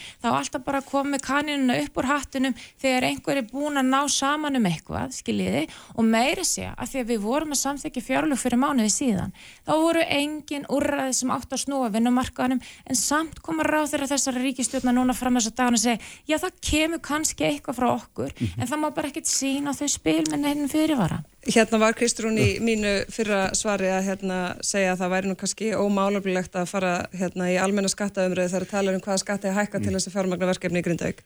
Hvað er það þá eh, annað heldur en ómálblegt að segja að, að hérna, minn flokkur uh, vilji engan fyrirsjáleika fyrir vinnumarkaðin sko ef við getum sammælst um það allir flokkar á þingi uh, að raunverulega taka skref þannig að vinnumarkaður í Íslandi væri eins og vinnumarkaður á Norrlöndum þá væri það til gríðarlega hérna, mikils bóta. Já, ég samanlega það. Vegna þess að það er ekki bæði haldi og sleft, það er ekki hægt að horfa á Norðurlöndunum og segja, akkur getur við ekki gert þess og þau, allt sem er einhvern veginn auðveldara og svona meiri yfirvegun í öllu samtali og ákvarðantöku meiri mm. fyrirsjáleika og annað slíkt. Þegar við erum síðan með ramman utanum okkar hérna, vinnumarkaslaugjöf hér, langt aftur fyrir það sem Norrlöndin eru.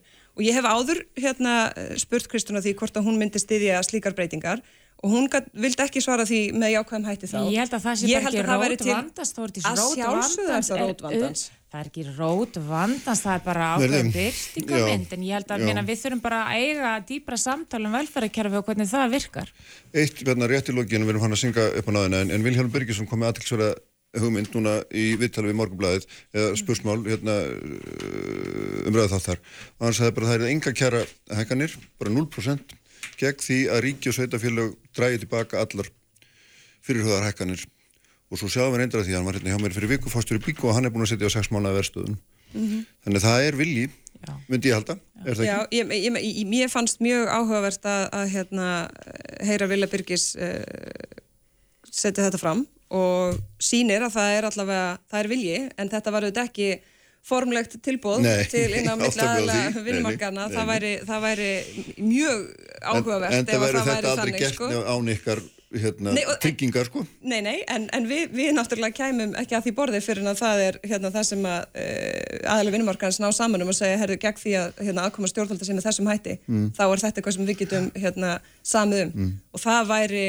það væri nefnilega bara mjög áhugavert vegna þess að þegar við horfum á hugmyndur og króntöluhækana 24, þá er það eitt en síðan 25 og 26 uh, ofan í síðan þær hérna kröfur á, á ríkisvaldið um ákveðnar aðgerðir að þá teiknast það bara upp þannig að við værum þá í raun að festa í sessu og skrifa okkur, skrifa það út að við værum langt yfir verðbólkumarkmiði sem að getur ekki verið það sem við ætlum okkur mm. að gera mm. og, og kannski þess vegna e, er þetta í einhverjum hnút Östuðnum þetta Kristján, svo þurfum við að loka Já, ég meni, ég hef alveg skili það sem hefur komið frá verklæðssefingunum með þeim hætti að þau bara benda og þau hefur engan áhuga á því allar kjarabætur hjá venjulega vinnandi fólki komi bara alltaf í gegnum launaliðin Það er mjög jákvæmt. Það þarf auðvitað eins og ég, áður, ég saði hér mm. áður, hvort sem að snýra gælskrarhækkunum eða tilfærsleikjörum og þess að þar, þá þarf að vera undirleikandi sátt um það. En ég geti auðvitað líka alveg verið raun sem er það að segja að ef að þú ætlar að leggja til ákveðina breytingar og tilfærsleikjörfum uh, inn í pólitísk landslag sem að trúur ekki á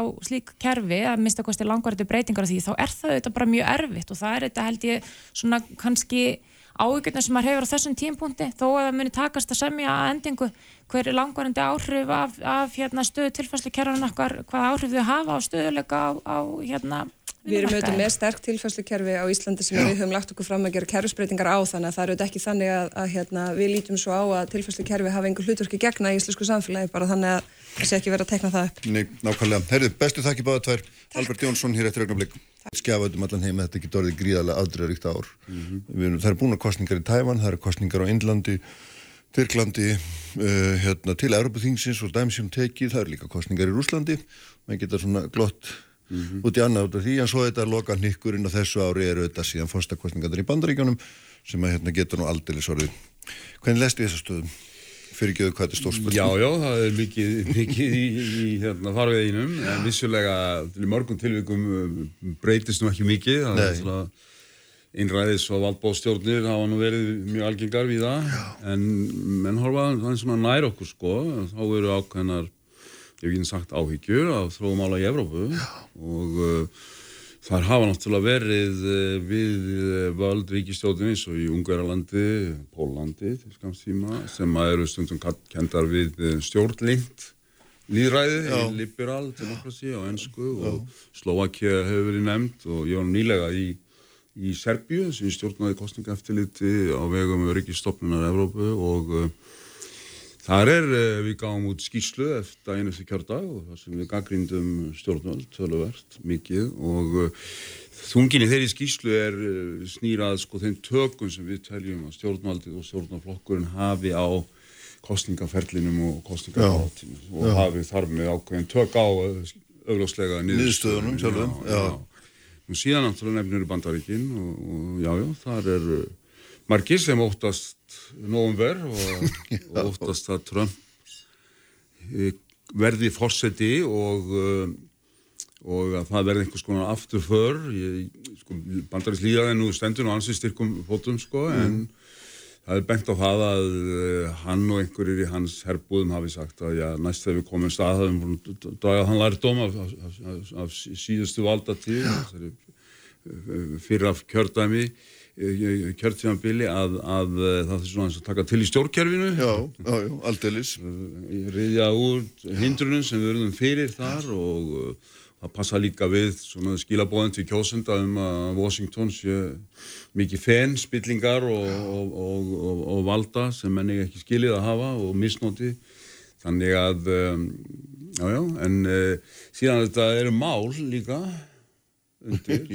Og uh, í Evróp og Bandaríkjónum er eitt saminlegt mál sem eru innflytjandamál sem púka tölvöld mikið upp á þetta og það sem kallað er populismi í politíkinni og bent á Þískaland næstast í flokkurinn kallaði populista já, já, flokkur sem mann hefur ekki órað fyrir. mörg þau enginni, anduð á valdahópum eða elitum ímynduðum eða raunverulegum. Og, og þessi verið að fara ídla með almenning og, og svo framvegis þetta er bara er ekkit, þetta er ekkit ósvipað tungutæki fyrir andur bandarækjaforsta anduð á elitum anduð á hérna, einlítjendum ítla uh, farið með almenning sem mistöður vinnuna í einhverjum, einhverjum úrættum sko. fólk sem hefur verið skilið eftir og innflytjandamálinn á söður landavæni bandaríkjana eru í algjörum ólestri. Þúsundir mann á dag jáfnvel sem að komast þar inn þannig að þetta er ekki, þetta er ekki allt einhverja ímyndanir eða, eða einhver trikk sko. Nei. þetta eru raunveruleg raunveruleg mál og eitt mál sem að er ég held bara í fréttu núna í Fraklandi það er uh,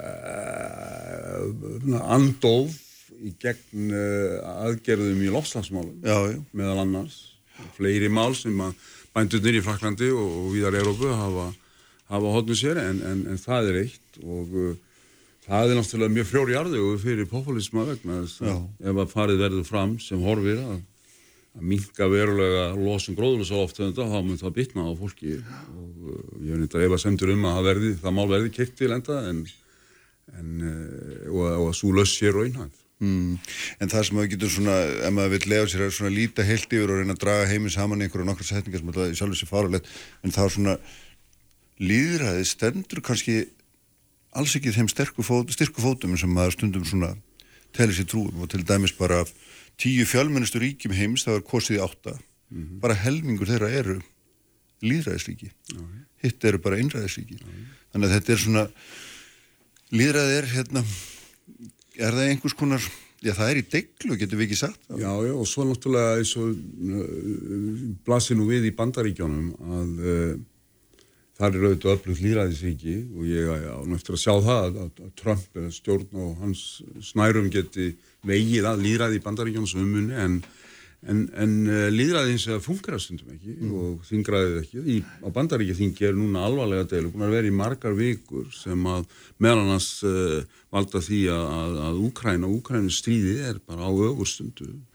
mun bara skýrast á næstu dögum og, og það lítur að uh, óvissu um stuðning frá Já. bandaríkjónum og hann er algjörð líkil atvið, án hans verður ekkert, heldur ekkert stríð áfram í Úkrænu, þenn skilningi að Úkræna geti staðið í rúsum og þannig uh, að ótrúlegt að þetta skuli vera uppi og hvert sagna vegna þetta er tengt allt öðru máli sem að er nátengt pólitíkin í Ameríku sem að er staðan á söðu landamælum bandaríkja og umflýtjandamálum og þetta er allt e, tengt saman. Republikanarnir er að reyna að þvinga demokraterna alltaf samþykja aðgerðir á landamælunum gegn já. því að þeir samþykja það aðstöld Lúgræn, ekki satt? Já, og nýjast frektir er að Trump gefur það mjög skýrt í skinn að það sé ekki endala honum í haga þetta mál sé leist sko. Nei, þá er náttúrulega gæti horfið þessi þetta innflytjenda mál á hans, á hans uh, kostningadagska þannig að en, þetta sýnir náttúrulega að, að þó að líðræði sjálf sem fungeri og setja staðar að þá áðan svona til að hlaupa út undan sem við ímsum hætti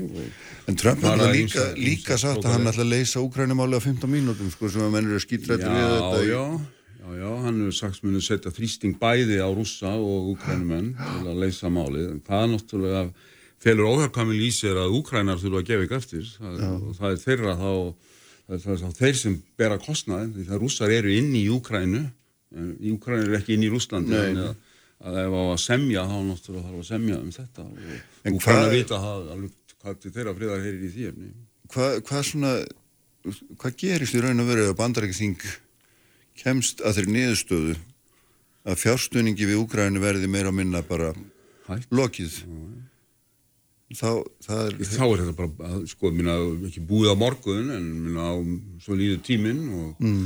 og þá enda bara Úkræna sem uh, ríki á áhrifasvæði rúsa, verður ekki fullaldar ríki uh, og náttúrulega rúsa mun þá klára máli hvað var þar þessi héruð sem þeir hafa lagt undir sig og líst mm. yfir mm.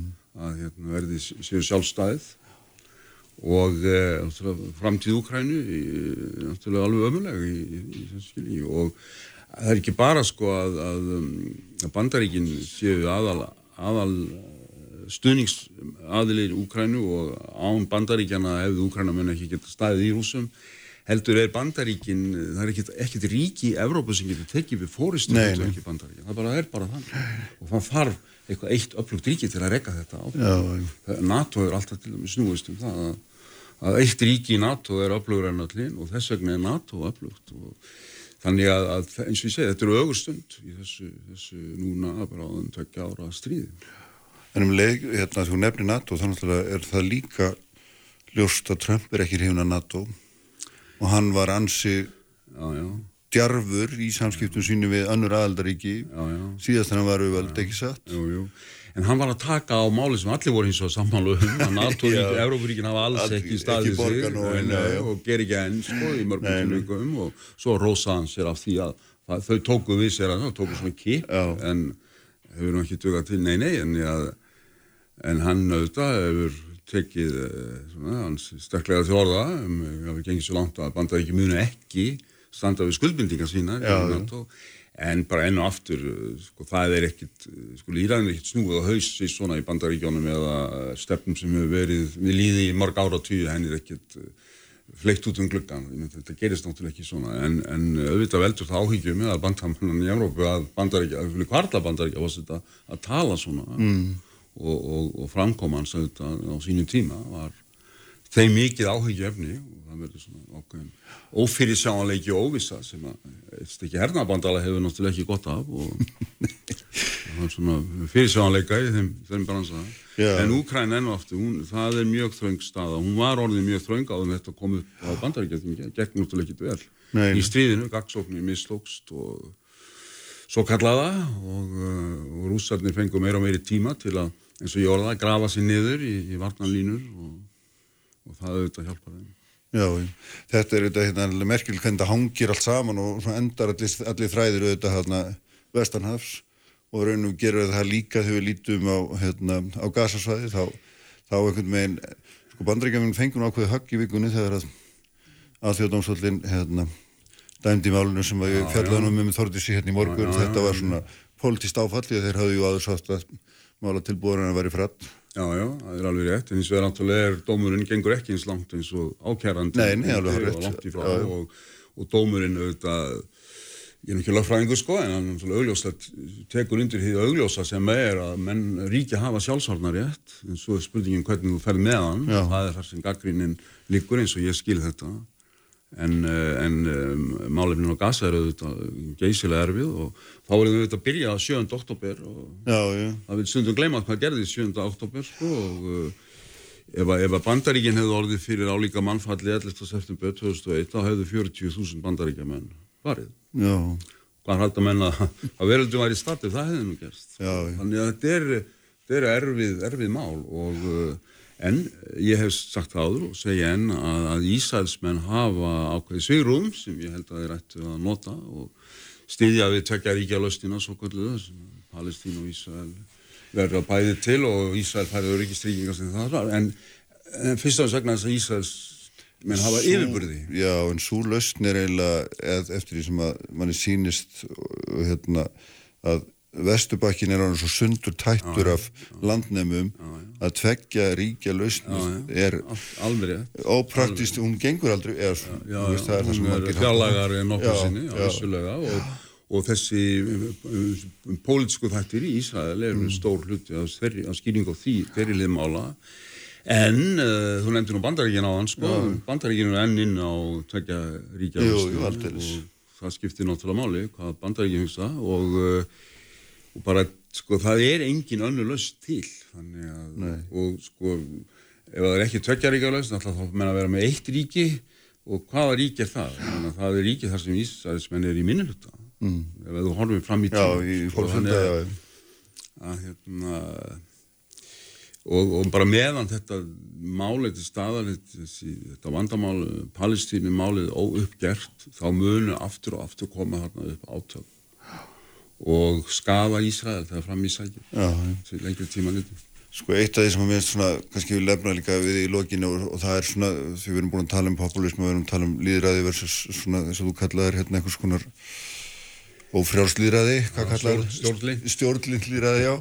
Hérna, það, er, það er náttúrulega ákveðin svona, það er ákveðin hópur af mönnum í heiminu það sem eru kallaðir svona einu nafnið, strongmenn. Það eru svona mjög svona kröftuðir, feitir kallar, sjötuðir sem alltaf stýra heiminum og hérna eru miklir einræði sinnar mjög margir sko. Þetta er að við erum saman til Kína, Índlandi, Rúslandi, margir vilja tælja Trump með og Bolsonaro hér áður og, og svo framvegð. Verulega svona í þessu átt í Ungarlandi. Já, þetta er, já, já, aldeilis.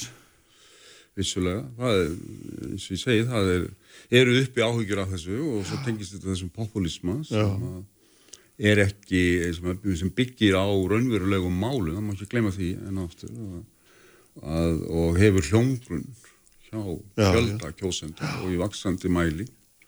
Já, já, eitt af því sem er uh, mikið um að, að sko þarna þessi að komist til mikill að valda að erum þinginu, breyti að erum samandur inn á Það er ekki bara að einhver hafi töka á einhverju stjórnkerfi eða slíkt, það er, er reyfing í gangi í þessum landum sem, sem að ítir undir populisman, svo nefnda og, og og þessir aðilar uh, höfða til. Þetta er svona veiðislóð sko. hún er í bandaríkjónum og hún er í Evrópu já, já. þannig að þetta, þetta eru raunveruleg mál öðrum orðum, þetta er ekki bara einhver triks eða... Nei, nei. Þetta er ekki ódýra, bara ódýra lausnir og maður svona kannski páplismir fyrst og rætt kendur við já, já, já, já, hann er náttúrulega með ódýra lausnir og samsæliskenningar, gærna gærna en hann byggir hins vegar á, á, á, á grunni mála sem bandaríkjónum líkur alveg fyrir að hópar þar hafa orðið fyrir verulegri nýskjara skerðingu og síðustu árum áratugum. Og, og svo er innflytjandamálinn þau, byrjaði að snerta okkur að mínum að þau eftir að verða meira ábyrjandi íslenskum stjórnmálum og reyfa við allkvæðin fólks jável í kostningum og þau eru að gera í, í öðru landum Nákvæmlega. Takk fyrir þetta Albert, hérna, frólikt og gaman að fá þig eins og alltaf Sprengisendunum verður við að láta lokið í dag. Ég og Davíð Halldórsson stýriði útsendingu, allt efni, bilgjum.is, vísi.is. Svo erum við með ykkur aftur eftir vikum. Verðið sæl.